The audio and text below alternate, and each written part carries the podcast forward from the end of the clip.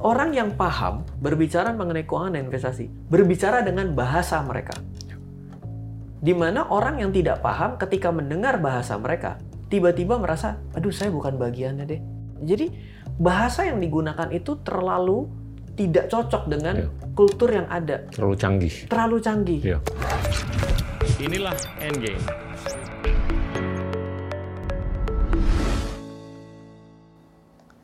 Halo teman-teman, hari ini kita kedatangan Ryan Filbert, inspirator dan pakar untuk investasi. Ryan, thank you bisa Yes. datang ke acara kita. Sama-sama Pak. Saya yang thank you boleh ke sini. Ceritain deh, apa perjalanan hidup Anda? Lahir di mana, kecil di mana, sekolah di mana, terus bisa sampai ke sini nih gimana? Iya, oke, thank you Pak. Em, jadi saya kelahiran tahun 86. Oke. Saya dilahir di Jakarta. Lalu saya eh, sekolah di tepat depan Istana Negara, Pak. Wow, Yaitu di Santa Maria Juanda. oke. Lalu masuk SMA. Di belakangnya? Di belakangnya, iya belakangnya, betul belakangnya. Lalu ke pintu air Oke. di BPK Penabur. Oke. Lalu saya masuk ke kuliah sesuai permintaan orang tua saya di Trisakti. Saya Oke. Fakultas Seni Rupa dan Desain Trisakti angkatan 2004, Pak. Wow. Kenapa? Kenapa? Kenapa diminta oleh orang Oh, tua oke. Eh, untuk jadi rupa? papa saya ini kan eh, seorang seniman ya. Dia suka dengan dunia fotografi dan pada masanya pada saat itu ketika analog lagi begitu rame ya. Oke. Jadi eh, foto itu adalah suatu hal yang tidak mudah untuk dilakukan semua orang. Karena bisa kalau lagi ada acara resepsi pernikahan sampai batal masukin film bisa nggak jadi dokumentasinya seperti itu. Nah, Betul. jadi papa saya adalah profesional fotografer, minta saya lanjutkan usaha beliau. Dan sebenarnya saya antara suka dan suka dan belum tahu gitu maunya apa. Tapi masalahnya adalah ya sempet, karena sempet diajak kalau beliau lagi Oh iya, jadi atau- kalau misalnya ada resepsi di gedung Iya. itu suka ikut gitu ya. Oke. Cuma memang saya sendiri sebenarnya suka dunia eksak pak, suka suka angka lah. Saya suka matematika, fisika, kimia dan bahkan di tahun-tahun krisis tahun 2008 itu Iya. ketika saya selesai, saya dari pasar modal kan drop banget ya pada saya. Lalu saya ngajar, ngajar di sekolah gitu. Karena. Oke. memang suka lah dengan dunia eksak gitu ya. Jadi yang setelah saya ambil kuliah gitu ya, ya mulai petualangan serunya adalah karena saya baru hari pertama masuk ke Trisakti. Hari pertama saya sudah tahu saya salah jurusan. Hari pertama pelajaran pertama yaitu kuliahnya adalah sejarah seni rupa. Mati saya. Saya sek- sekolah pelajaran sejarah yang paling pusing. Dapat sejarah seni rupa gitu. Waduh. Itu ya, sih akhirnya di situlah mulai lebih banyak di luar kampus daripada di dalam kampus.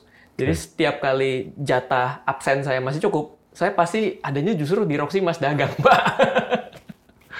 Oke.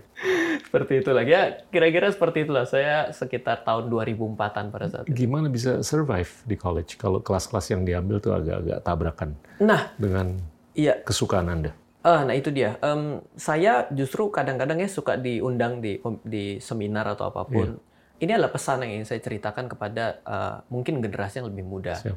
Ketika kita itu salah jurusan, Hmm. tapi kita sudah memilih, Ya, kita harus bisa menyelesaikan. ya, Karena banyak orang yang selalu akhirnya dia menjadi loser pertamanya adalah ketika dia bilang, sudah tahu saya nggak suka, saya lanjutkan, saya gagal. Ya memang karena saya nggak suka. Nah, ya. itu menurut saya nggak bisa karena pada waktu itu ada keputusannya saya mestinya bisa masuk IPB di teknik kimia tuh sudah ada Ya. udah terima saya gitu tapi karena permintaan papa saya saya ambil tetap Ya. di padahal dari hari pertama masuk kuliah sampai keluar tetap nggak bisa gambar pak ya tapi yang saya akan ceritakan banyak kepada banyak orang kepada teman-teman yang masih Ya. lebih muda dari saya adalah pasti ada cara untuk kita bisa menyelesaikan sebuah perkuliahan Ya. dan ada juga yang bertanya gitu pak ke saya menyesal nggak masuk kuliah sarjana seni rupa jujur kalau misalnya saya nggak masuk sarjana seni rupa saya tidak tahu bagaimana cara mengaktifkan otak kanan saya Iya. saya kan kiri dada mentok pak kan kita Betul. Eksak sekali saya Iya, suka dengan matematik tapi Iya. saya kan tidak bisa mengaktifkan kreativitas saya Iya. ya mungkin karena dasar itulah makanya ya mungkin hari ini gitu ya eh, Iya. banyak juga teman-teman yang Ryan kok bisa nulis buku sebanyak itu Hmm. 18 judul emang nggak tidur emang nggak ada kerjaan nganggur ya Iya. kan ada banyak ada hal-hal negatif yang begitu saya bilang enggak menulis itu tidak sulit selama kita sudah mempelajari hal itu, Iya. berarti kita harus recall kembali Betul, agar orang lain bisa mengerti apa yang kita maksud seperti itu. Jadi iya. itu saya banyak pelajaran yang saya dapat ketika kuliah dan saya selesaikannya tentu dengan berbagai macam strategi ya Pak. ya. Kalau saya misalnya saya nggak bisa, saya minta bantu teman saya. Iya. Ya pada akhirnya ya lumayan lah IPK nggak di bawah 3, 3,4 kan masih lumayan untuk Lumayan. pelajaran yang saya nggak bisa Lumayan sebenarnya. banget. Seperti Iya. itu Pak. Tapi apa nih yang bisa? Anda tuh suka baca buku nggak? Oh, Biasanya orang yang Hmm. suka nulis buku tuh minimum harus suka baca buku kan? saya suka belajar sebenarnya sih Pak. Oke. Jadi em, makanya saya baru waktu datang ke sini gitu kan, saya diajak ngobrol driver gitu, Hmm. Iya. Pak, udah lama kerja, udah tapi saya orangnya suka perlu tantangan. Jadi ketika saya mendapati sesuatu yang terlalu gampang gitu ya, pada akhirnya sih jadi bosen. Ya. Tapi ketika saya kenal, saya kan awal muasal kan mulai mengenal dunia investasi. Ya. Itu kan karena saya dapat uang dari dagang online saya. Jadi di Ya. 2004 tuh saya sudah dagang online. Saya masukkan ke deposito, tapi saya tidak puas. Saya mulai kenalan dengan dunia investasi. Ya. Mulai dari yang benar nggak benar lah. Tentunya kalau orang kan pertama cara cari cepat kaya. Wah itu keluarnya yang lebih banyak nggak benar ya Pak di mesin cari gitu kan. Nah, saya pelajari itu dan dari situ saya mulai merasa tertantang gitu loh Oke. kok ada orang yang bilang saham A buy, lo kok naik? Saya bilang, Ya. kenapa bisa naik? Ya meskipun kadang-kadang kita ya lagi belajar tuh kan mau nyaring enaknya gitu ya. Iya. Yang gagalnya kita anggap oh itu mah gagal mah sekali doang gitu. Kita kita begitu gitu. Tapi saya merasa tertantang untuk saya mengerti karena saya juga bilang gitu bahwa banyak orang itu yang memulai tidak semuanya ngerti keuangan. Hmm. Lebih banyak orang yang tidak ngerti keuangan. Banyak orang yang bahkan fobia angka gitu ya. Ya. Lah masa dia tidak berhak untuk bisa memiliki uang? Ya. Di mana kalau orang tidak bisa mengenal investasi, maka biasanya ngatur keuangan lebih berantakan lagi. Betul. Jadi itu tantangannya. Jadi saya itu datang dari triple minoritas. Hmm. Satu tidak punya uang karena uangnya dari dagang. Ya. Yang kedua adalah tidak punya ilmu karena jelas sarjana seni rupa. Yang ketiga saya tidak punya restu, Pak. Bapak saya kan seniman. Begitu saya buka rekening saham yang mana kalau dulu buka rekening saham itu susahnya seabrek-abrek Iya. iya. buat sambit kucing bisa mati Iya. karena tebal sekali. Iya. Kita menandatangani yang kita nggak ngerti gitu ya pada waktu itu. Itu kan sulit. Bukanya mahal, reksadana mahal, Iya. buka options US market itu 10.000 US gitu ya. Itu begitu pulang dengan bangga cerita ke Dedi papa saya gitu ya. Gimana? Jadi saya buka rekening saham. Jual sekarang juga. Jual. Gimana mau dijual? Akun aja belum jadi. Saya bilang udah suruh jual. Saya bilang, tante kamu bangkrut dari saham. Jadi itu tempat judi. Pokoknya segala sesuatu yang ada hubungannya dengan hal seperti itu. Nggak usah. Waduh, saya bilang, gimana nih gitu. Jadi saya itu adalah datang dari tempat yang memang papa saya itu cuma yakin kalau tidak investasi itu tidak tanah, belilah emas. Iya. Kenapa datang keyakinan itu? Saya runut lagi. Ternyata opa saya juga begitu gitu ya. Jadi saya datang dari keluarga seperti itu gitu. Jadi ya tentu tanpa restu pasti tidak ada dukungan finansial. Kolot. Tanpa dukungan finansial tidak punya ilmunya. Jadi kalau salah ya udah pasti selalu jawabannya kan saya udah tahu nih waktu saya tahun 2008 gitu ya pas turun marketnya turun apa gua bilang udah begitu tuh udah udah biasa di kuping saya tuh udah biasa gitu Saham saham apa yang pertama Anda beli? saham Terus- pertama Tiong nggak? Oh siap. Kalau di Indonesia saya pertama kali ya, tapi tidak ada maksud bagus dan buruk untuk hari ini gitu. Nanti kadang-kadang Nggak usah sebut nama deh. Tapi Oh. untung apa rugi? Rugi pak. Rugi. Berapa lama dipegang? Eh, satu hari pak. kan ya kan kita kan nggak ngerti gitu ya. Karena Iya. masalah utamanya adalah ketika kita sudah susah payah membuka rekening saham. Masalah keduanya adalah uang depositnya dari mana. Masalah ketiganya saham apa yang harus dibeli. Kan akan ke sana ya gitu Iya, ya. iya. Itu instrumen sama ketika kita pergi ke mana. Kita pergi ke eh, reksadana. Siap. Reksadana jenisnya empat. Setiap jenis produknya banyak. Ya. Saya mau beli reksadana pasar uang. Begitu kita datang ke sebuah supermarket reksadana, reksadana pasarnya ada 50, Pak. Gini, yang, yang mana satu yang bagus dan kenapa dia bagus gitu ya. Sama, jadi saya juga sebenarnya pembelian saham pertama saya, tebak-tebak buah manggis juga sama dengar-dengar sebelah. Kenapa kenapa dijual?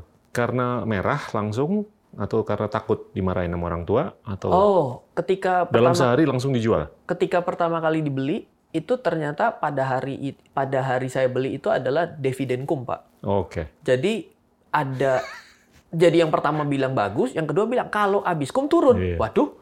Di sini nih mulai Oke. mu- mulai puyengnya. Pas kita pencet kita pencet jual, kita rugi dan beneran turun. Jadi perasaannya tuh yang mana gitu ya? Itu terjadi di, di saya ketika kali belajar. Hmm. Oke. I- Ini ini beberapa kali kita selalu ngomong mengenai kepentingan untuk dilakukannya pemikiran atau pola pikir yang divergent. Anda punya background seni rupa karena pemaksaan. Tapi ternyata lebih suka yang empiris. Iya kan? Tapi itu semakin luas wawasan Anda. Kalau menurut saya itu sangat berkorelasi dengan kepiawaian Anda sekarang. Bukan hanya untuk nulis, tapi memberikan advokasi kan. Iya. Masa sih itu nggak nyambung? Nyambung kan? Iya, jadi ketika eh, apa ya namanya? Ketika saya ditanyakan eh, Ryan, biasa orang akan bertanya, udah nyesel belum buang waktu tiga setengah tahun untuk kuliah S1 sarjana Iya. seni rupa? Saya bilang enggak, saya bilang.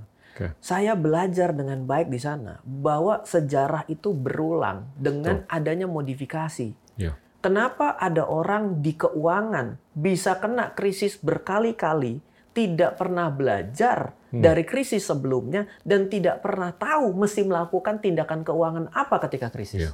Iya. Saya bilang, loh, emang Ryan pernah mengalami krisis? Saya ngalamin krisis dua kali, Pak. 98, Hmm, Eptanas 6 SD. Nggak ngerti apa-apa. Cuma ngeliatin api banyak aja. Iya. Karena rumah Iya. saya lantai 4, Iya. saya ngeliatin di dak, kiri saya ceker api. Iya. Terus di depan rumah saya itu ada yang bawa troli jarahan, Hmm. Pak. Saya ngerasain itu bener. Tapi saya nggak ngerti apa-apa. Iya. Di 2008, saya terjebak di harga tinggi dan tidak punya uang lagi. Iya. Makanya saya jadi kerja lagi, Pak. Karena, Usia 22 ya. iya, Oke. saya di 2008 itu terjebak karena sudah tidak punya peluru untuk masuk, karena sudah di dalam. Iya. Dan saya dulunya dari 2004 ke 2008 trading for living, Pak. Saya trading. Saya trading begitu 2004 ke 2008 tuh nggak ngerti pun untung, Pak, sebenarnya. Selama ditahan dua bulan gitu udah nggak tahu ke mana angkanya. Jadi ketika saya merasakan di 2008, saya bertanya, salah saya apa? Iya. Mana saya tahu? Karena saya baru sekali kan. Iya. Tapi ketika saya coba lihat 98, Iya. saya lihat tahun 90, Iya. saya lihat tahun eh, 1972 dan se- menuju tahun 1980, saya mundur ke tahun 50 dan saya bahkan belajar dari Dow Jones Industrial Average dan Standard and Poor dari 1890. Hmm. Saya jadi paham bahwa ternyata pola krisis itu selalu datang dari sesuatu yang naik dengan kencang Iya. dan terjadi spekulasi. Spekulasi itu menghancurkan tatanan perekonomian karena orang banyak berhutang. Iya. Hutang yang nyangkut terjual dengan paksa. Iya. Siapa yang akan menjadi pemenang? Adalah yang tetap berinvestasi Iya. dan yang tetap punya duit ketika krisis terjadi. Iya. Jadi di 2008 ke 2012 tuh saya sudah sadar gitu. Jadi banyak orang yang hari ini gitu ya Iya. di di era kita sadar tidak sadar 2020 ke 2021 ini kan ada suatu turbulensi keuangan. Iya. Lalu banyak orang yang ada masalah keuangan. Mm. Itu mungkin karena dia tidak pernah melewati krisis Ya. atau karena dia tidak pernah belajar dari krisis dan tidak mau belajar dari sejarah. Dan saya di sarjana di rupa itu kan benar-benar diajar itu, Pak. Betul. Ada yang namanya desain Ya. komunikasi visual. Mm. Kita di sana di- dicontohkan mengenai teknologi handphone. Ya.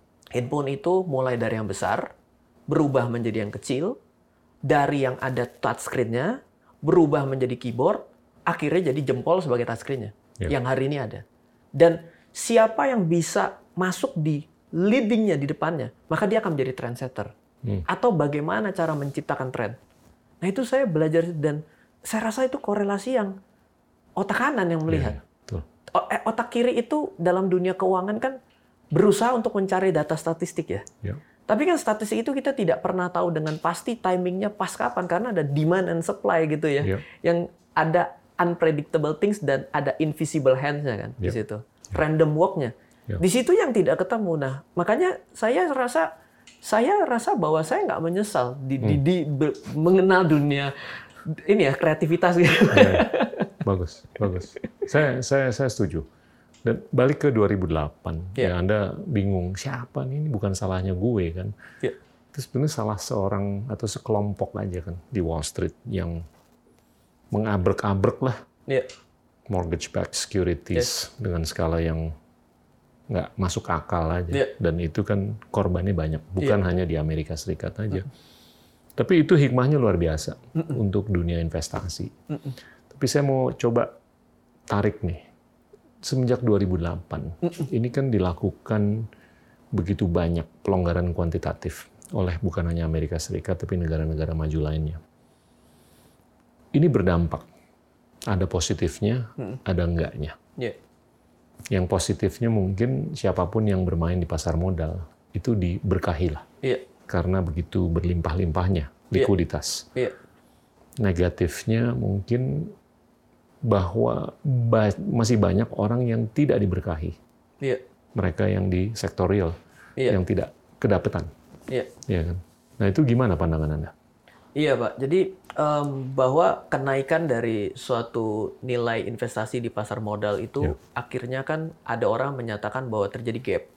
Yang logik adalah ketika eh, industrinya maju, Ya. harga sahamnya naik, maka itu kan yang sesuatu disebut dengan fair value, Ya. logik. Yang tidak logik itu adalah bila harga sahamnya naik dengan cepat, Ya. tapi ternyata dasarnya ini nggak ke mana-mana. Nah, akibat dari kuantitatif isu ini kan kalau orang-orang di negara yang jauh lebih memiliki literasi, biasanya ini orang-orang tidak mau ke spending. Ya. Akhirnya sektor real tidak jalan dengan baik. Ya. Dan juga ada keterbatasan dengan jumlah penduduk. Jadi yang saya coba korelasikan, yang saya pelajari ya Pak ya, negara-negara yang memiliki jumlah penduduk besar, Ya. itu apalagi dia ternyata memiliki literasi yang luar biasa, itu biasanya akan terdorong sekali. Kalau di, di Amerika yang terdorong itu adalah segi capital market yang seperti tadi kemukakan. Ya. Jadi kalau dari saya sendiri sebenarnya untuk negara seperti Indonesia ini makanya menjadi rebutan oleh banyak pihak. Hmm. Diakibatkan karena ada jumlah pangsa pasarnya yang belum terliterasi dengan baik. Betul. Pasar modalnya juga masih 50-50 dengan orang asing. Orang Ya. investasinya juga masih dari luar negeri. Yang membuat ini banyak celah untuk bisa kita ikut mengambil kue. Ya. Jadi kalau kita cari seperti Hmm. pasar Amerika gitu, Hmm. itu menurut saya sudah dalam keadaan titik yang jenuh. Ya. Sedangkan kalau kita ada di Indonesia, bila kita tidak ikut mengambil posisinya gitu ya, ya kita kembali lagi kita cuma ada di sektor real yang sayang sekali kita tidak bisa mengikuti pergerakan daripada dunia investasi yang ada. Ya. Menurut Anda gimana proses peningkatan literasi yang Anda pelopori selama ini? Anda udah nulis berapa? 17-18 buku kan? Iya pak. Itu sangat berkorelasi lah dengan peningkatan literasi. Iya. ya kan? Dan kita bisa berargu lah bahwa peningkatan aktivitas di pasar modal ini ada nih cantolannya dengan apa Iya. yang Anda lakukan. Iya. Tapi ke depannya gimana Anda lihat? Iya, em, kebetulan saya ini juga eh, sering pergi dengan otoritas jasa keuangan nih sebelum COVID ya Pak. Saya Sabang sampai Merauke sudah pergi ber- melakukan sosialisasi dengan Ya. mereka. Eh, tingkat pengetahuan dan minat baca masyarakat itu di Indonesia sangat rendah. Siap. Sehingga menyebabkan mereka kadang-kadang bisa melakukan sesuatu cuma dengan modal katanya. Dan ini akan bahaya dalam investasi dengan kata-kata katanya. Itu pertama. Lah, Oke. yang kedua, eh, kalau dibicarakan mengenai buku-buku yang saya sudah tulis ya, ada 18 judul buku hari ini gitu ya Pak ya. Semoga di 2021 rencana sih ada dua lagi gitu. Semoga Wow, keburu. Oke. itu ada memang suatu peningkatan. Karena apa? Karena eh, contoh sederhana saya ada satu buku judulnya Lu- Yuk Belajar Nabung Saham. Tapi buku itu tidak akan menjadi sukses bila tidak ada dorongan dari SRO-nya, dari pihak yang mengatur. Kenapa buku itu menjadi lebih baik dibandingkan buku yang lain? Karena kampanye itu tidak dilakukan oleh si Ryan sendiri. Hmm. Tapi ada satu kampanye yang gampang dipahami. Apa yang saya tahu di, di, di Indonesia, Hmm. Dari apa yang saya juga pelajari dulu, bahwa orang yang paham berbicara mengenai keuangan dan investasi, berbicara dengan bahasa mereka. Di mana orang yang tidak paham ketika mendengar bahasa mereka, tiba-tiba merasa, aduh saya bukan bagiannya deh. Kata-kata inflasi, inflasi itu apa? Inovasi, inflasi, udah udah inovasi, inflasi pula. Jadi Ya. bahasa yang digunakan itu terlalu tidak cocok dengan Ya. Kultur yang ada Terlalu canggih. terlalu canggih. Iya. Nah, kita menjadi orang-orang yang mengedukasi seperti saya. Iya. Saya dalam menulis buku, dalam membuat literasi, sebisa mungkin menghindari kata-kata yang membuat orang yang mendengarkan jiper. Ya. Karena di negara kita ini orang lebih suka tidak suka baca, tapi lebih suka mendengar Tuh. katanya. Betul. Dan ketika ketika dia mendengar sesuatu yang sifatnya begitu mudahnya, dia baru bisa sampai. Ya. Jadi kalau dengan men- dengan saya saya pelajaran menulis buku dan dari Sabang sampai Merauke ikut sosialisasi, Pak. Ya. Gapnya jauh sekali, Pak. Wow. Jauh sekali. Dan jauhnya itu benar-benar sam- sampai pada satu titik tidak bisa membedakan yang namanya membeli saham dan mendeposito. Hmm. Jadi ketika ada orang, Pak, bagus mana deposito sama membeli saham sama bisnis saya. Hmm. Ini kan meng- meng- meng- mencoba mengadu sesuatu yang tidak bisa di- diadu kalau menurut saya. Yang satu memberikan suatu return yang Ya. pasti dari bunga berbunga. Ya. Yang satu investasi kita tidak pernah tahu. Hmm. Bisnis saya, saya pun tidak tahu bisnisnya dia apa. Iya. Dan saya diminta berpendapat. Ya. Nah, kenapa bisa jadi? Karena dasar landasan pengetahuannya itu kita tidak diajarkan dari SD, Pak. Iya. Kita tidak diajarkan dari SD dan TK bagaimana merencanakan keuangan. Hmm. Jadi bahasanya itu asing, tiba-tiba langsung datang di SMP langsung menjadi hafalan. Ya. Saham adalah bukti kepemilikan pada suatu perusahaan. Ya. Pasar modal adalah tempat bertemunya orang penjual, dan pembeli saham. Jadi hafal itu membuat terlambat Ya. dalam literasi. Karena saya di saya juga ngajar SMP dulu, jadi saya tahu materinya apa gitu ya. Hmm. Itu yang terjadi. Sedangkan kalau kita ngambil studi kasus Pak dari Korea, Ya. kalau kita pergi ke toko buku hari ini, mengenai komik, mengenai keuangan, semua datangnya dari Korea Pak. Ya. Jadi ketika hari ini Korea Dalam bentuk komik. dalam komik Pak, Wow. jadi ketika pada hari ini Korea itu jadi terasa heboh sekali mulai dari Oh iya. kadramanya sampai dengan eh, di cepat saji kita Ya. juga sampai ngantri warna ungu Pak kemarin. Itu adalah karena keberhasilan mereka menginvestasikan sesuatu Ya. dari anak-anak mereka. Betul. Kita Ya. Pembentukan budaya itu dari itunya kecil. tuh yang bingung gitu. Betul, Jadi betul. kalau saya ini boleh dibilang sedang berusaha sharing gitu Hmm. kepada sesama. Tapi saya lebih berpikir adalah bagaimana caranya mem- membangun si generasi-generasi yang lebih muda ini, Pak. Iya. Si anak-anak SD, Iya. anak-anak SMP. Kalau anak saya dari usia lima tahun, Ya. itu sudah tahu Bitcoin, Pak. Wow. Usia anak saya 8 Menarik. tahun. Jadi saya ketika saya mulai pertama kali berkenalan dengan Iya. Bitcoin di 2017, anak saya pun sudah entah mau apa pun tapi kata-kata Bitcoin di mulut dia itu adalah sesuatu Iya, yang udah day to terbiasa. day. Kalau dengar papanya beli saham, itu dia walaupun dia tidak mengerti tapi kata-kata itu tidak asing. Iya, iya. Tapi kalau saya, saham saya baru kenal kuliah, Pak. Iya. Itu yang terjadi. Gimana Anda bisa menjelaskan konsep atau kata-kata seperti inovasi dan inflasi ke orang awam di Indonesia? Nah, kalau inflasi Pak ya, Iya. kalau inflasi kadang sih nggak tepat-tepat banget, tapi Iya. mereka menjadi sadar. Inflasi adalah kondisi bahwa ada perampok yang bisa datang ke rumah Anda tapi tanpa permisi. Oke. Kalau inovasi? Adalah sesuatu yang tidak Anda pikirkan, tapi orang lain bisa melakukan lebih. Iya. Kok bisa Menarik. begitu? Oh iya, karena dia melakukan sesuatu yang Anda nggak ngerti. Berarti ada suatu pertemuan baru Iya, yang mereka sedang lakukan, yang kamu nggak tahu wujudnya Iya. apa. Ini kita lagi melewati era atau fenomena di mana suku bunga itu sudah terus menurun dan kalau kita pertimbangkan ya demografi dunia yang semakin tua dalam batas logika nih ya, Iya. jumlah yang disimpan itu semakin banyak kan. Mm-mm. Tapi jumlah yang bisa diinvestasikan atau kelas aset Iya. itu finite. Mhm. Jadi dalam batas logika, suku bunga itu akan terus turun menurun kan. Yes. Cost of money Iya. itu akan lebih murah Iya. karena duitnya semakin banyak, Iya. tapi asetnya yang bisa diinvestasikan itu-itu aja. Oke. Hubungan antara duit dengan aset Iya. itu adalah cost of money kan, atau Iya. cost of capital. Yes. Ini sebetulnya kan mengindikasikan untuk generasi berikutnya, zilenial sampai yang 10, 20, 30 tahun ke depan, ini akan mengalami era suku bunga yang terus Murah. menurun. Yes. Semakin masuk akal dong untuk dilakukannya investasi di saham. Iya. Karena kalau dimasukin ke deposito sama aja bohong. Bunganya cuma semprit, Iya. ya kan? Iya. Apakah itu bisa menjadi bagian dari proses edukasi?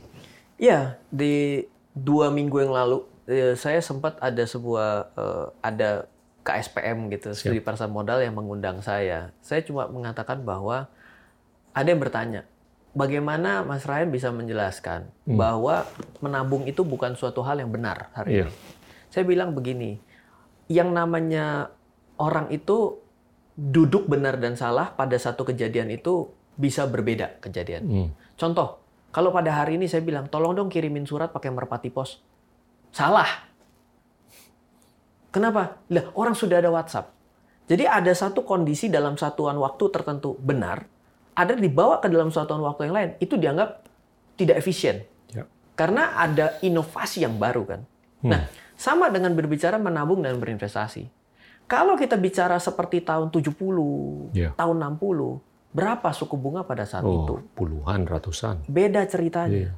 Tahun 98 aja bisa Se- 70 iya. persen. Apalagi gitu Iya. ya. Jadi ketika kita tarik ke dalam kondisi yang berbeda, itu sama seperti Anda lagi bicara cara terbaik mengirim surat adalah pakai merpati pos. Iya. Deposito tuh seperti merpati pos. Iya. Dan akan menjadi semakin tertinggal ditambah 10 tahun dari hari ini, Anda bicara pakai mungkin kirim surat pakai perangko. Iya. Bahkan anak saya pun saya kesulitan Pak kemarin cari perangko. Saya kan mau ngajarin gitu ke anak saya dong ya. Kalau merpati pos mana mungkin saya bisa ajarin ya kan orang saya sendiri nggak ngalamin. Tapi kalau nulis surat kan ada di satu zaman kalau perangko miring itu kan cepet nyampe. Iya. Saya kan ceritain ke anak saya dong. Saya sampai nyari perangko susah sekali Pak. Akhirnya saya tempel pakai metrai. Ini loh kayak gini saya bilang. Nah, ada zaman yang anak saya pun tadi pagi menghubungi saya pakai WA. Iya. Jadi itu kan terjadi. Jadi kalau Anda saya bilang memikirkan tabungan dan deposito membuat Anda kaya, itu eranya Anda seperti sedang menggunakan merpati pos dan juga mengirim surat ketika ada email dan WhatsApp. Iya. Oh, bagaimana cara membuktikan dengan hitungannya? Oke, mari kita buka suku bunga lembaga penjamin simpanan Iya. dalam 15 tahun. Untuk pertumbuhannya, coba dihitung. Anda happy nggak kalau uangnya bergeser seperti itu? Hmm. Andai kan, kan kita nggak bisa lihat sekarang ke masa depan. Ya. Kita mundur aja seolah kita 15 tahun ke belakang, kita mau punya pintunya Doraemon untuk sampai hari ini. Hmm. Ternyata ketika kita hitung, nggak happy, Pak. Iya. Sekarang kita tarik mundur, Hmm. coba kita investasi 15 tahun yang lalu. Iya. You name it, saya bilang. Hmm. Maunya apa? Pak, saya mau emas, misal. Hmm. Kalau saham, apalagi instrumen derivatif, kadang-kadang orang lebih jauh tuh kan perlu dimulai dari yang paling bisa di logika kan. Iya. Emas. Begitu dia coba, ih Pak, kok bisa jadi gede ya Pak? Lah iya makanya saya bilang. Karena apa? Karena ada unsur investasi, di mana investasi itu adalah sesuatu yang bisa memberikan sesuatu yang eksponensial, Hmm. tapi sayangnya tidak bisa dipastikan di awal. Iya. Nah, orang Indonesia itu suka cari yang pasti. Ya. Atas dasar pastinya itulah mereka akhirnya ya kembali lagi satu perginya ke tabungan, dua ke abal-abal. Iya. Karena hanya abal-abal dan tabungan yang bisa memberikan sesuatu yang pasti. Tapi kalau suku bunga ini terus menurun Iya, secara sistematis ataupun sistemik, iya. menurut Anda peran bank ke depan nih gimana? Iya. Wah, ini nih pertanyaannya ke saya bahaya nih. Oke, Pak. Saya cuma Boleh dong nanya. Iya sih, yes. Tapi eh, opini saya, Pak ya, Iya. karena saya juga berada di industri fintech. Ini ini bukan terkait dengan eksistensi perbankan atau Iya, bank, iya. tapi lebih terkait dengan bisnis modelnya bank Betul. atau perbankan. Betul. Jadi Iya kalau kan? dari saya pribadi kalau bicara mengenai bank gitu ya, bagaimana cara mereka mencari uang tidak lagi bisa bicara mengenai ada orang yang menabung dan ada orang yang meminjam. Iya. Kalau Di ma- minjem sih pasti bakal terus ada. Ada Iya kan? atau dia akhirnya melakukan efisiensi dengan menggunakan channeling. Iya. Jadi kan dia harus berpikir Saya lebih suka jadi debitur ke depan karena suku bunganya terus menurun kan. yes, Tapi mau jadi deposan mikir dua kali. mikir dua kali. Mendingan saya masukin ke saham aja. Betul. Ya kan? Dan kalau di bank menurut saya adalah services mereka. Iya. Makanya ketika mereka tidak bisa membangun nilai tambah terhadap bisnis bank tersebut, pada akhirnya kan akan terjadi masalah buat bank tersebut juga. Iya. Dan terbukti bahwa siapa yang melakukan inovasi di 20 tahun yang lalu ketika ATM itu adalah makhluk tidak kita bisa pahami, ada satu bank yang tiba-tiba membuat ATM di mana-mana atas nama brandnya sendiri. Iya. dia lakukan itu 20 tahun yang lalu. Tapi kalau ada bank yang pada hari ini mulai dengan cara si bank itu 20 tahun yang lalu, ya selesai. Anda salah inovasi kan gitu ya Selesai. Pak ya. Betul. Oke. Itu. Ini kalau kita lihat rasio perbankan terhadap PDB, Iya. Ini masih di bawah 50%. Iya. Kalau kita lihat rasio kapitalisasi pasar modal terhadap PDB, masih di bawah 50%. Iya. Ini kurang oke dibandingkan rasio yang ada di negara-negara atau perekonomian yang maju. Iya. Itu rasionya di atas 100%. Iya. Yang Anda lakukan, ini sangat menopang kepentingan kita untuk meningkatkan rasio tersebut. Iya. Anggaplah kalau kita memang mau jadi negara modern, ekonomi modern, ya rasionya harus di atas 100% kan. Iya.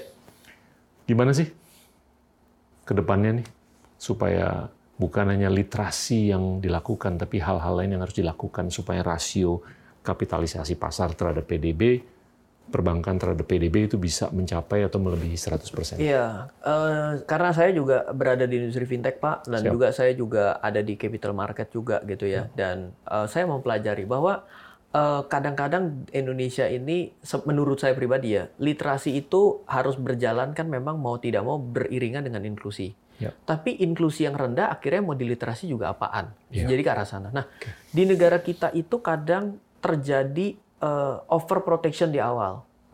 Begitu sulitnya seseorang itu untuk bisa mulai investasi.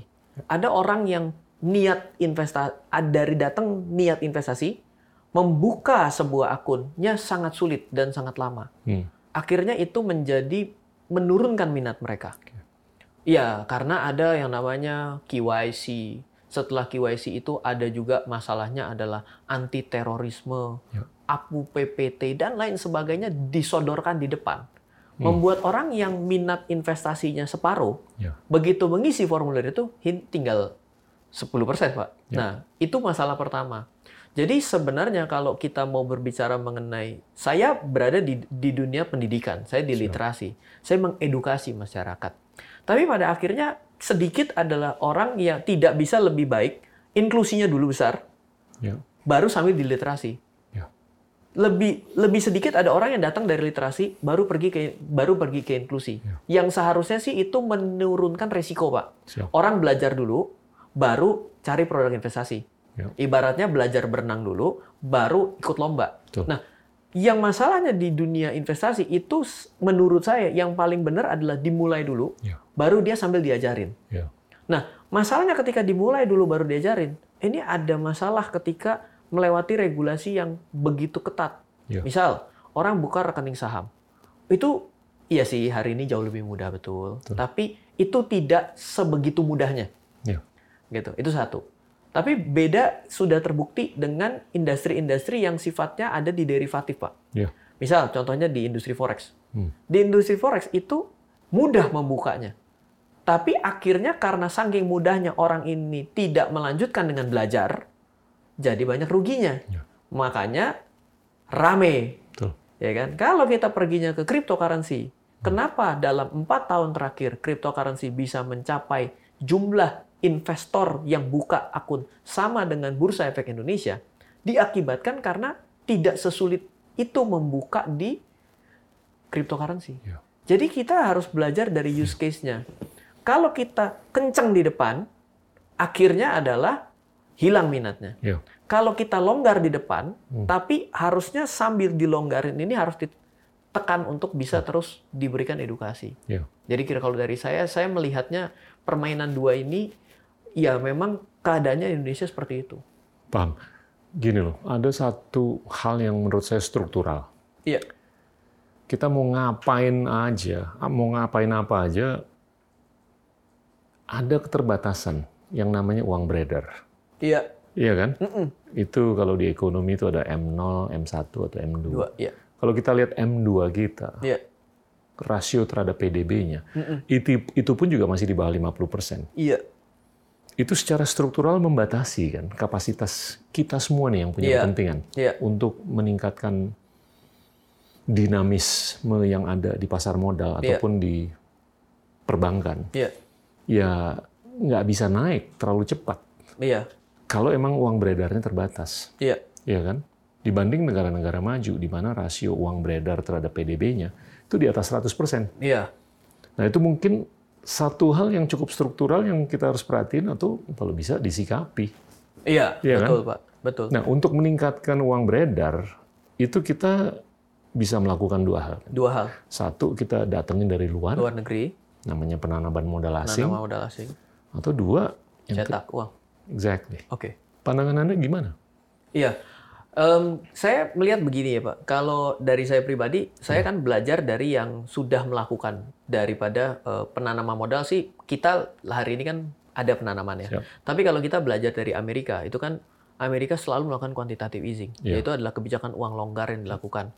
Dan kebijakan uang longgar itu sebenarnya kalau di Amerika karena literasinya bagus, orang jadi investasi. Ya. Tapi sektor realnya terjadi ketimpangan. Betul. Karena orang di sana kalau terima duit, terima duit bukannya dia yang diharapkan adalah dia beli mobil, Iya. dia mungkin Dia beli saham dia, mobil.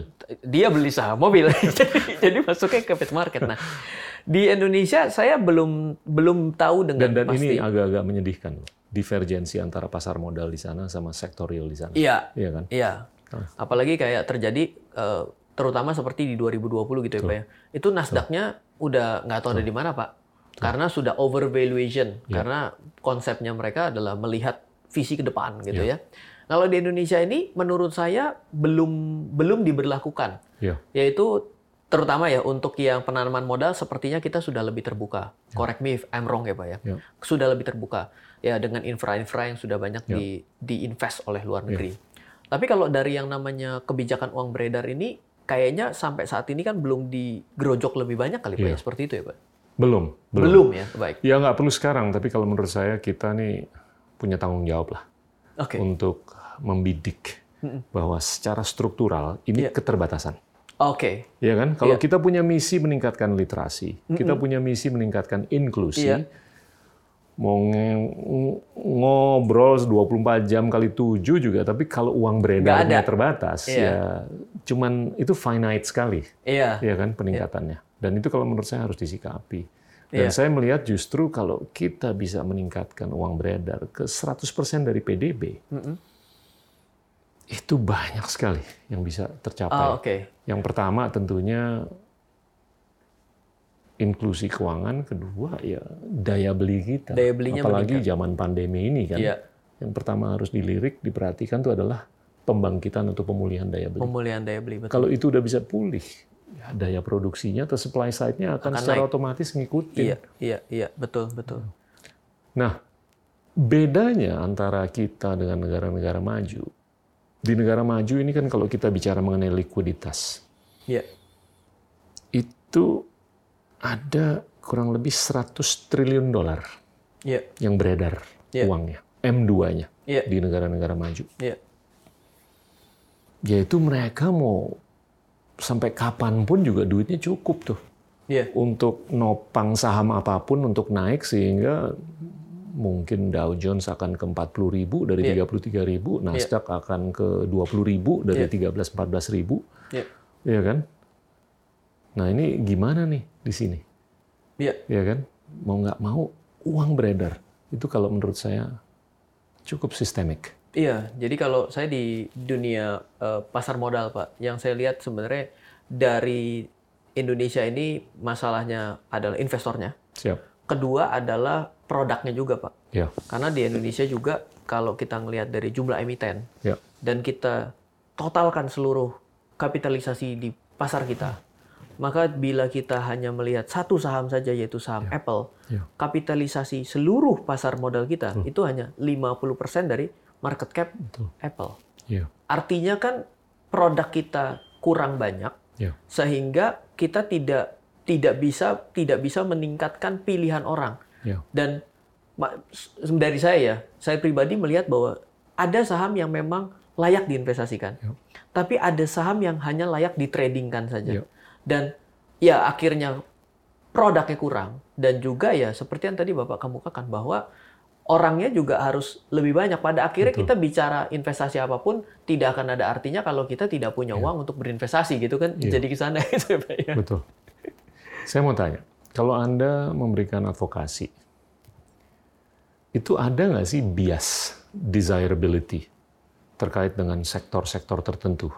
Anda lebih suka ngoceh mengenai saham tech Iya. atau saham tambang, Iya. saham properti, Iya. atau saham FMCG atau saham apa pun lah. Iya. Ada nggak biasnya? Atau Anda bisa cukup netral gitu loh? Iya, saya sih adalah nggak tahu ya Pak, tapi kan publik nih menilai. Hmm. Saya itu adalah selalu berduduk ketika bicara itu selalu sebagai seorang edukator. Siap. Saya selalu bilang bahwa saya berbicara setiap harinya ketika ditanya, itu sebenarnya saya sedang mencoba untuk membangkitkan minat seseorang terhadap apa yang dia mau, bukan atas saya. Saya kan juga belajar bela diri. Ada orang yang ada orang yang karena punya keunggulan kaki akhirnya banyak main kaki, Ya. tapi ada orang yang nggak punya Ya. keunggulan kaki dia pakai tangan. Nah, Ya. saya nggak boleh bilang kalau saya jago tangan kamu harus ikut tangan kan. Nah, Hmm. jadi yang saya lakukan adalah Oke. dalam saya memberikan edukasi mengenai investasi, makanya saya tidak melulu pasar modal. Ya. Tapi saya kasih tahu bahwa ada loh saham. Kalau tidak bisa beli saham karena memilih sulit, belilah reksadana. Iya. Reksadana itu dibagi menjadi dua, mau ikut aliran baru atau lama. Yang konvensional orang bilang reksadana saham. Yang modern orang bicara reksadana indeks. Dari dua ini saja sudah bertolak belakang. Iya. Mutual fund yang equity itu adalah bid index. Iya. Reksadana indeks, mutual fund index adalah follow index. Iya. Tapi saya tidak bisa memberikan justifikasi yang mana yang lebih bagus. Kenapa? Karena dua-duanya ini pasti ada keunggulan dan kelemahan. Jadi saya berusaha untuk tidak bias. Tidak tidak artinya ada sisi subjektif. Tapi kalau saya dipaksa gitu, saya bilang, saya kan mengenal dunia investasi itu kan 17 tahun. Saya bilang, hari ini usia saya 35, Pak. Udah tua juga gitu ya. Kalau ditanya Ryan yang hari ini, Ryan itu sudah dalam fase konservatif. Oke. Jadi ketika ditanya, Ryan, kalau ada uang 100%, berinvestasi, katakanlah harus memaksa masuk ke capital Iya. market. Maka gimana proporsinya? Karena Ryan konservatif hari ini, 70% saya masuk ke growth stock. Hmm. Saham-saham besar yang 20 tahun sudah ada, yang krisis sudah ngerti cara melakukannya, dan memiliki GC GCG yang bagus, tidak Iya. pernah nyangkut dengan ini dan itu sampai direksinya, Iya. 70%. 30% yang selebor. Yang saham-saham yang memang mungkin adalah baru startup dan lain sebagainya, baru dimulai, baru oke kita masuk sana. Lalu kalau saya bagi lagi dari 100% kepada all instrument, saya sendiri sekarang adalah dalam fase 50-50. Yaitu 50 masih dalam equity dan Yap. lain-lainnya yang high risk sektornya, Yap. 50 lagi saya sudah ada di Fixed income dan properti dan di hedgingnya Oke. gitu. Jadi tergantung saya saya tidak bisa langsung karena saya tidak mau nanti orang berpikir bahwa itu adalah benar. Ya. Karena benar dan salah dalam investasi itu padahal dari diri kita. Ya. Kita mengerti apa yang kita beli dan kita komit apa yang kita beli. Iya. Sebenarnya kita nggak akan kenapa-napa membeli saham kalau kita beli di yang terbaik dan ketika turun kita tetap membeli. Kenapa? Karena saya belajar dari sejarah juga. Iya. Contoh sederhana, saya beli emas. Ya. Kalau ad- ada nggak orang yang sebel dengan beli emas? Pasti ada pak. Kalau Hmm. ada orang yang membeli di harga kenaikan emas yang sebelumnya di 2013-2014. Hmm. Tapi kalau dia tetap membeli dengan adanya fluktuasi nilai rupiah terhadap dolar, dia belum nggak usah nunggu sampai COVID kemarin 2020 untuk untung. Nah, kenapa bisa seperti itu? Karena dia berinvestasi, tetap berinvestasi dan komit investasi di emas. Jadi faktor-faktor itu yang biasa saya encourage kepada orang ketika bertanya kepada saya mengenai investasi. Iya. Kalau dipaksa ke Ryan hari ini, Ryan udah nggak bisa bilang, oh ya 100% masuk aja ke saham kucing kurap gitu tuh namanya tuh. Saham-saham kecil, biar volatilnya gede. Iya, waktu saya dulu sih 18 tahun ketika saya belum menikah, saya masih nggak punya tanggungan. Kalau saya rugi paling saya ditoyor-toyorin papi saya, ya sudahlah gitu. Tapi kan saya sudah punya anak, saya juga saat ini juga ada menikah ya kan. Iya. Dan tentunya kan saya tidak bisa mem- membuat diri saya menjadi jauh lebih nekat daripada sebelum saya punya tanggungan kan gitu ya Pak ya. Jadi risk profile. Kalau Anda ngobrol dengan klien, Ya. durasi yang paling singkat dan yang paling panjang itu berapa yang Anda advokasikan Iya, kalau eh, saya untuk pribadi kan berinvestasi? Saya pribadi kan sebenarnya tidak memiliki sertifikasi untuk memberikan advisor secara langsung. Tapi saya biasanya membuatkan itu menjadi suatu package kelas. Ya. Jadi kayak eh, namanya adalah asset planning. Asset planning itu sebenarnya adalah kita tuh harus bisa mengerti loh, kita ini posisinya lagi ngejar apa. Ya. Apakah kita lagi mengejar active income Hmm. Atau kita sedang mengejar passive income? Kalau kita sudah dalam posisi mengejar passive income, maka passive income kita itu sudah ada di level mana? Nah, kalau saya bicara seperti itu rata-rata kelasnya satu hari dan biasanya setelah itu ada dalam satu bulan, dua bulan itu kembali lagi kita melakukan review, Ya. ada di dalam sana ada diskusi atau dia hadir ke kelas yang lain itu biasanya seperti itu, Pak. Saya mau tarik ke pasar modal di luar. Ini kalau kita lihat sahamnya Tesla.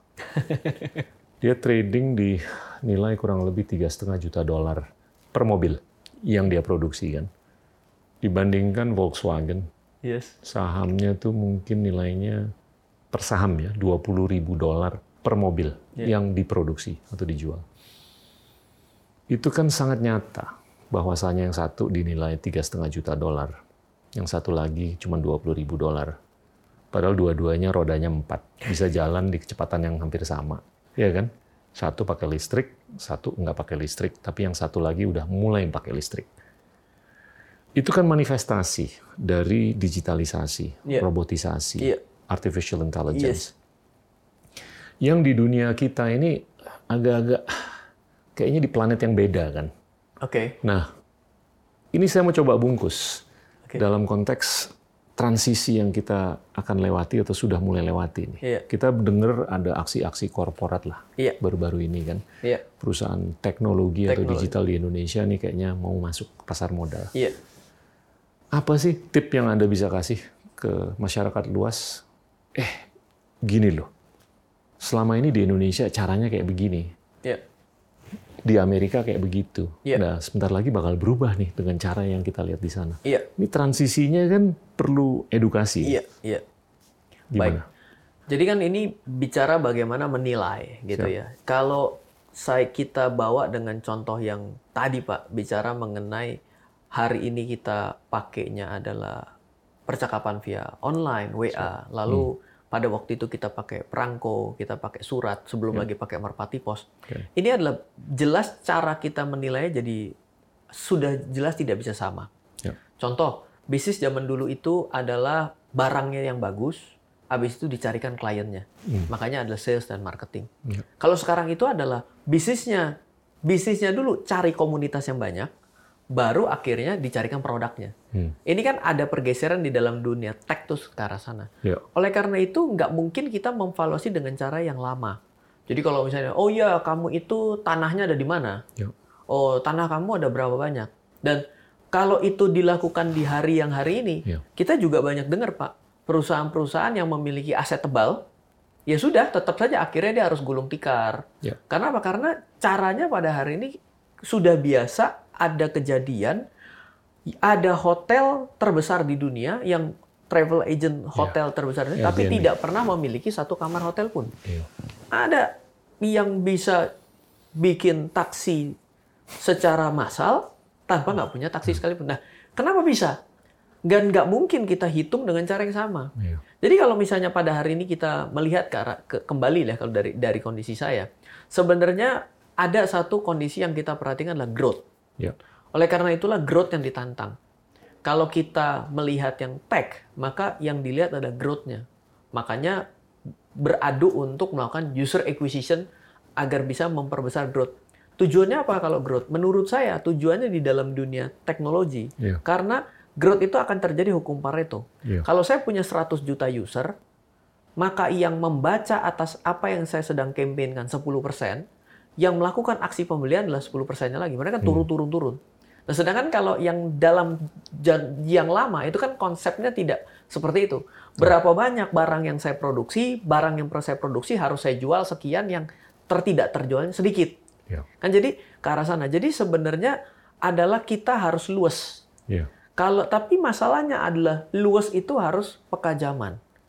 Kalau kita tidak mengikuti pekaan zaman ini gitu ya misalnya Pak ya, gampang kalau kita mau ketemu orang yang eh, peka zaman, ketika dia dibicarakan tech gitu, Iya. dia menyatakan diri, "Oh, saya gaptek." Ya. Saya mau nggak mengerti. Nah, ini jangankan mau divaluasi, orang mau diperkenalkan teknologinya saja sudah resisten gitu kan. Iya. Jadi di era pada hari ini adalah sebenarnya bukannya barang tersebut tidak bisa divaluasi, tapi kita memaksa valuasi dari yang pernah kita tahu caranya Betul. dulu. Betul. Jadi kita harus berubah. Ya. Kesiapan masyarakat luas nih gimana? Kalau ini dimasukin ke bursa, Iya. barang-barang teknologi yang sudah melewati kristalisasi nilai kan Iya. dalam beberapa minggu terakhir ini, Iya. dengan pendekatan yang cocok dengan dunia Barat kan? Iya. Ini kan mau dimasukin nih Iya. ke koridor atau pipa yang Iya. ada di sini kan? Iya. Kalau ukuran Anda, kalau dalam enam bulan, 12 bulan ke depan, ini dimasukin Iya. ke bursa kita. Kesiapan masyarakat luas tuh kayak gimana?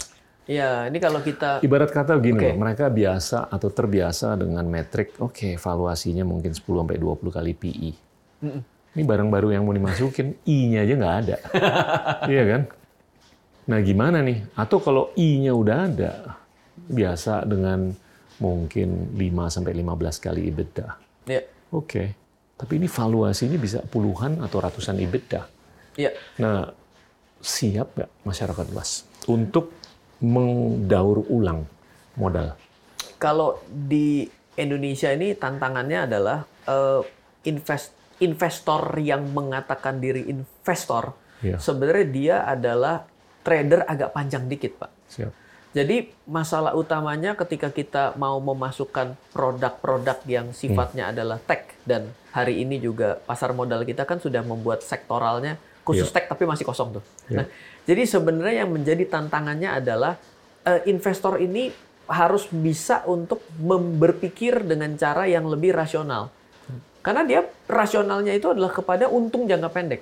Ya. Sedangkan kalau kita melihat kayak perusahaan-perusahaan tech yang pada saat ini, tentunya kan dia akan burn money kan.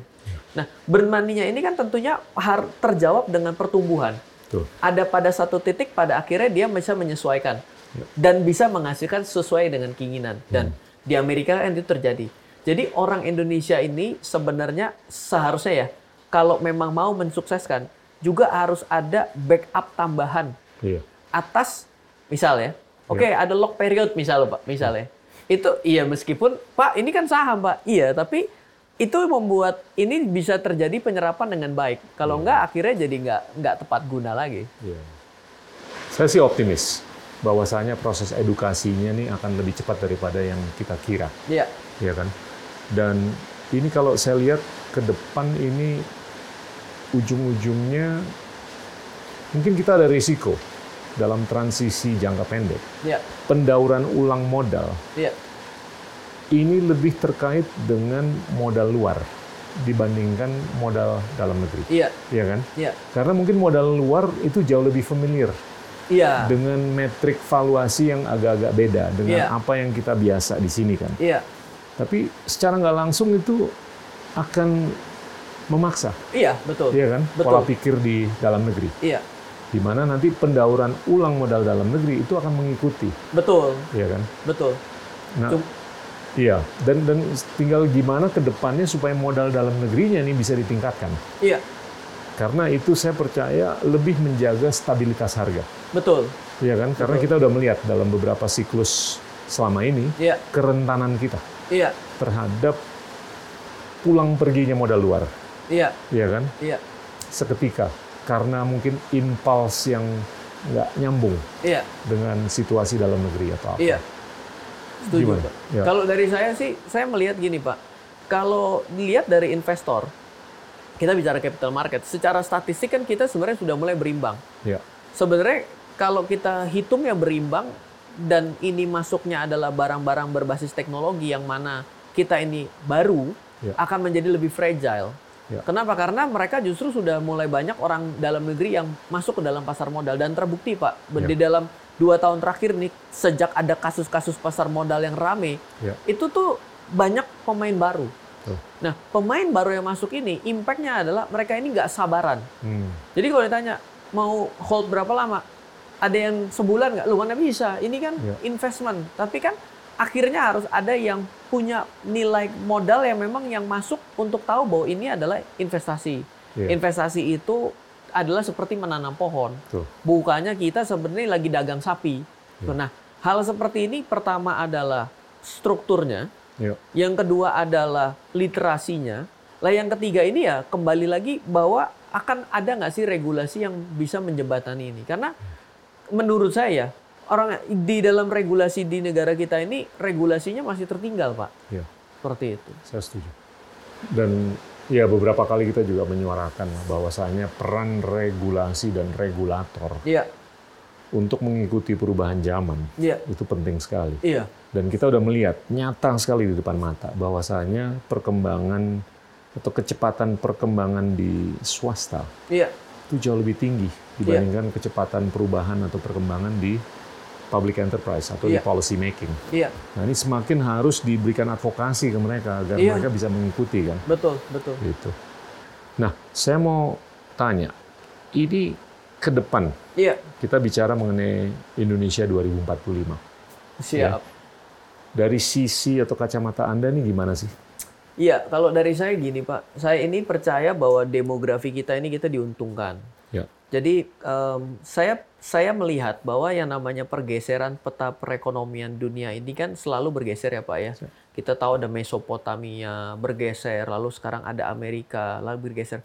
Kalau menurut saya kuncinya adalah dari pertumbuhan penduduk. Kita pada hari ini kan sebenarnya bonusnya di sana. Siap. Yang perlu kita tingkatkan adalah kualitas. Ya. Jadi sebenarnya kita ini berhutang kepada generasi selanjutnya untuk menjadi jauh lebih baik dari kita. Agar persaingan persaingan dia global ini sebenarnya sudah tidak ada tidak ada barrier, Pak. Ya. Terbukti aja barang itu kan sekarang begitu gampang masuk. Berarti kan secara otomatis ini kan pertandingan udah bukan saya dengan tetangga sebelah, tapi saya dengan tetangga saya yang secara notabene ada di online yang puluhan ribu kilo, Pak. Nah, ini tuh bahaya kalau kita cuma bisa menjadi konsumen Ya. tanpa didasari pemahaman keuangan dan pemahaman investasi. Ya. Karena pada akhirnya kita cuma jadi bagian dari menghabiskan produk yang dijual. Ya. Kalau kita tidak bisa meningkatkan SDM kita di sini, waduh, lebih ngeri. Saya saya bilang gitu, saya cerita anak saya eh, suka cer- cerita gitu ya. Gitu saya bilang bahwa nanti kamu ke depan harus bisa bahasa lebih banyak Hmm. dari yang Dedi bisa. Jadi hari ini cuma bisa bahasa Inggris, bahasa Indonesia, sama bahasa Jawa gitu ya. Ke Anak saya saya bilang, kamu harus bisa at least harus tiga bahasa, yaitu bahasa Indonesia dengan baik karena dia mendengarkan saya bicara dia jadi-jadi bisa juga gitu ya. Yang kedua bahasa Inggris, yang ketiga mungkin ada bahasa lain, misal bahasa Mandarin. Kenapa? Karena Logis tuntutan Mandarin. Ya. tuntutannya akan menjadi lebih tinggi dalam 10-20 tahun ke depan Betul. tidak ada border karena seperti orang bisa berhadapan langsung dengan online itu kan bisa membuat orang berhadapan langsung. Nah, Kita tidak mengerti mengenai keuangan. Bagaimana cara kita menguasai sektor keuangan kalau kita nggak ngerti keuangan kan gitu, Pak. Jadi saya worry jujur ya. Saya worry bukan buat diri saya, tapi saya worry untuk generasi selanjutnya. Sebetulnya strategic goals untuk nation building itu kan banyak lah ya. Tapi Iya. mungkin yang basic tuh yang di benak kita adalah satu untuk gimana kita bisa memproduksi produk-produk pendidikan Iya. Yang bisa mengisi hidup kita. Yang paling nyata itu adalah pemberdayaan tenaga kerja kan. Iya. Apakah dia nanti begitu selesai belajar itu dia bisa jadi tukang las, bisa jadi ahli coding, bisa jadi akuntan, Iya. bisa jadi penyanyi, bisa jadi pelukis, Iya. ahli fotografi, jadi teknokrat. Iya. Tapi di bawah itu yang harus dipikirkan adalah gimana produk-produk pendidikan kita itu bisa meningkatkan produktivitas Iya. agar kita bisa bersaing kan. Betul. Kalau produktivitas kita nggak meningkat, Iya. ya kita bakal ujung-ujungnya tetap jadi pedagang aja, bukan jadi produsen, Iya. ya kan? Nah Iya. itu yang yang harus disikapi untuk bisa menopang sifat konsumtif kita. Jangan Iya. sampai kita mengkonsumsi barang yang didatengin dari luar aja. Iya. Tapi kalau bisa kita mendatangkan dari dalam negeri, dari diri kita sendiri Iya. untuk dikonsumsi. Iya. Nah, yang kedua, kalau menurut saya strategic goal dari nation building kita itu gimana kita bisa fokus ke hal-hal yang mulia untuk jangka panjang kan? Apakah itu inklusi keuangan Iya. seperti apa yang Anda lakukan? Perubahan iklim, Yes. ya kan? Dan apa pun lah yang 24 tahun ke depan sampai tahun 2045. Iya. Ini keren banget. Mhm. Nah, saya sih menginginkan mungkin pengakuan atau penghargaan terhadap saham-saham Iya. atau instrumen apa pun lah di pasar modal, Iya. mau instrumen utang atau instrumen ekuitas, Iya. itu lekat dengan objektif jangka panjang Indonesia. Iya. Iya kan? Iya.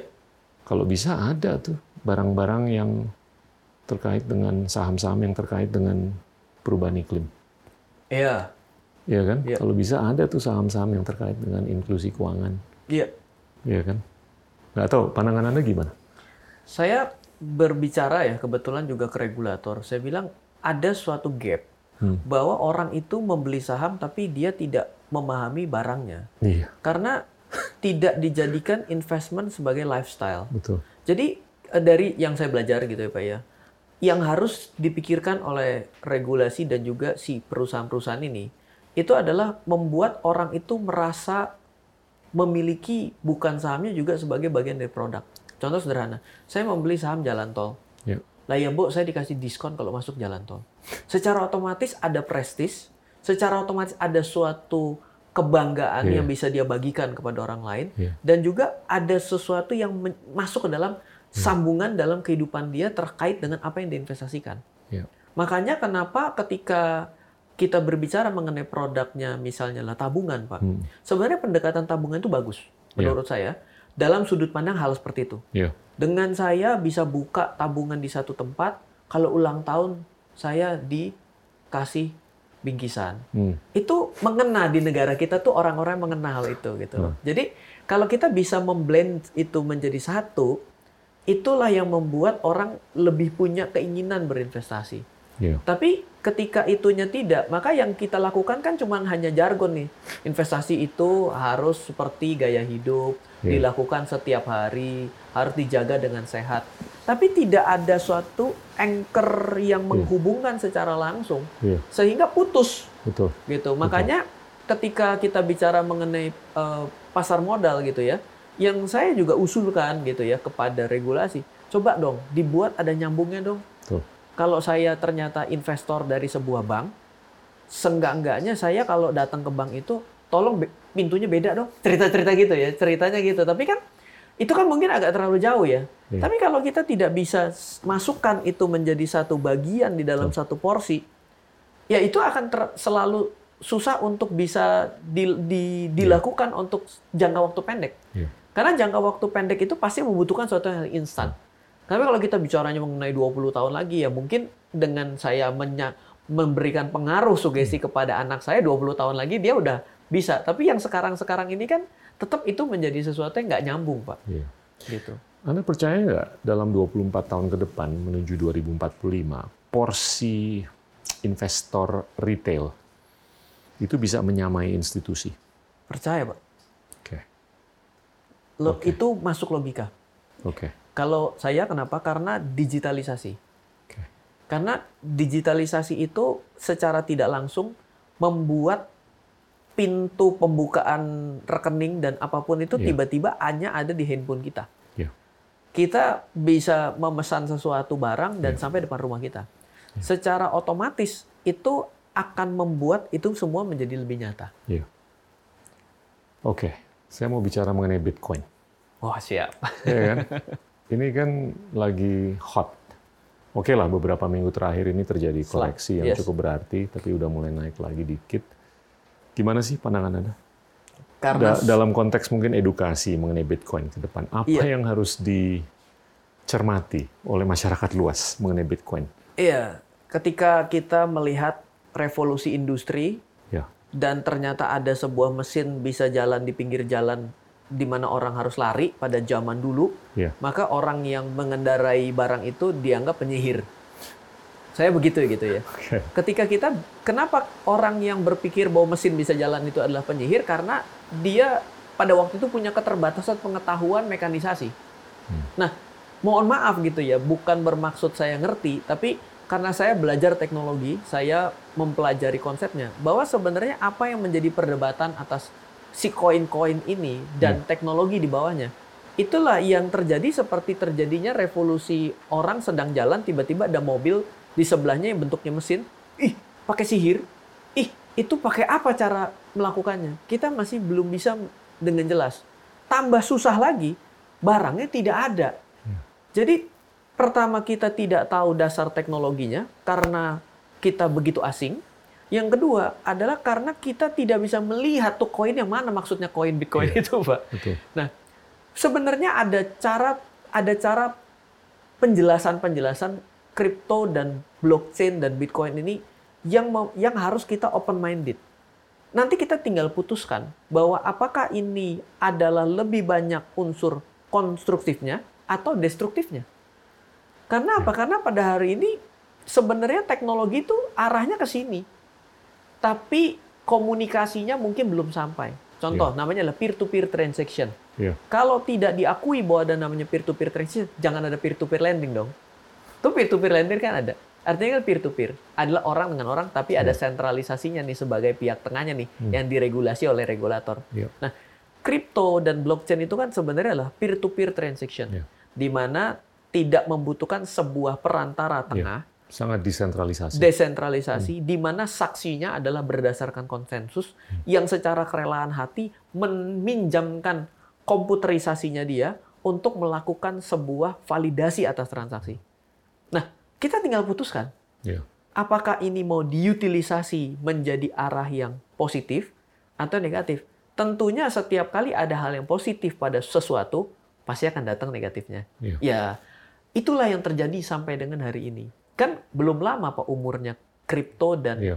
penemuan Bitcoin dan Iya. blockchain ya. Blockchainnya sudah ada dari tahun 90-an. Iya. Tapi utilisasi blockchain itu baru terjawab di era Satoshi di 2008. Iya. Hari ini tuh kita setelah lewat 13 tahun, kita ini sedang mencari-cari utilisasi yang bisa dan tidak menyakiti Ya. yang sudah ada tuh bagaimana caranya. Ya. Itu yang pendapat saya terkait dengan kripto. Saya kalau ditanya kenapa Bitcoin ini laku, ada beberapa alasan lah. Satu mungkin desentralisasinya atau sifat yang desentralistis. Yang kedua, ini kalau kita lihat pengelola dana yang besar di dunia, nggak usah sebut nama lah. Mereka tuh kan kalau melakukan diversifikasi, mereka mencari kelas aset yang uncorrelated. Ya. Dan Bitcoin ini memenuhi syarat. Iya kan? Iya. Untuk kotak yang harus dicek. Iya. Ini adalah aset kelas yang nggak punya korelasi dengan aset-aset lainnya. Iya. Nah itu untuk kepentingan diversifikasi dalam investment management atau Iya. manajemen investasi.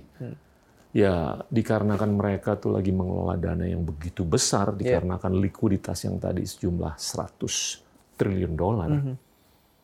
itu yang menyebabkan penyerbuan Iya. terhadap Bitcoin. Iya. Nah, kalau ditanya apakah ini ke depan bakal naik? Mungkin-mungkin aja. Iya. Selama likuiditas tetap ada, selama M2 tetap robust jumlahnya. Iya. Mungkin yang berikutnya penjelasannya agak-agak philosophical. Mhm. Kalau saya lihat emas itu adalah sesuatu yang bisa travel over time, tapi nggak bisa travel over space karena berat Iya. untuk dipikul, digotong. Satu kilo aja. Iya kan? Iya. Sedangkan dolar Hmm. itu sesuatu yang bisa travel over space Iya. karena ringan kan Iya. dollar bill, tapi nggak bisa travel over time. Iya. Nah ini titik temu antara emas dengan dolar Siap. ini mungkin bisa dipenuhi oleh Bitcoin Makanya karena jadi- Bitcoin itu bisa travel over time dan bisa travel over space. Iya. Gold 2.0 bagi orang-orang pelaku di kripto kan menyatakan bahwa Bitcoin adalah gold 2.0. Yes. Jadinya ya cuap-cuapannya kayak begini mungkin. saya bukan mau mengadvokasi Iya, kripto iya. ya, tapi Iya, ya kalau saya ditanya kok bisa naik dari 200 dolar ke 34 ribu dolar Iya. dalam waktu hanya beberapa tahun aja, ya agak fantastis atau terlalu fantastis bahkan. Iya. Nah ini kalau menurut saya penting masyarakat luas untuk diedukasi secara bijaksana. Betul. Jangan sampai mereka kepleset juga gitu loh. Betul. Makanya ketika banyak sekali orang justru bernada sumbang terkait kripto, bukan saya datang mau membela, tapi saya berusaha untuk mengedukasi sebenarnya apa cryptocurrency Ya. dan apa sih teknologinya, kenapa jadi banyak yang pakai. Dasarnya kita bisa melihat transaksi yang katanya transparan itu tuh kayak apa Iya. apa yang dimaksud dengan general ledger?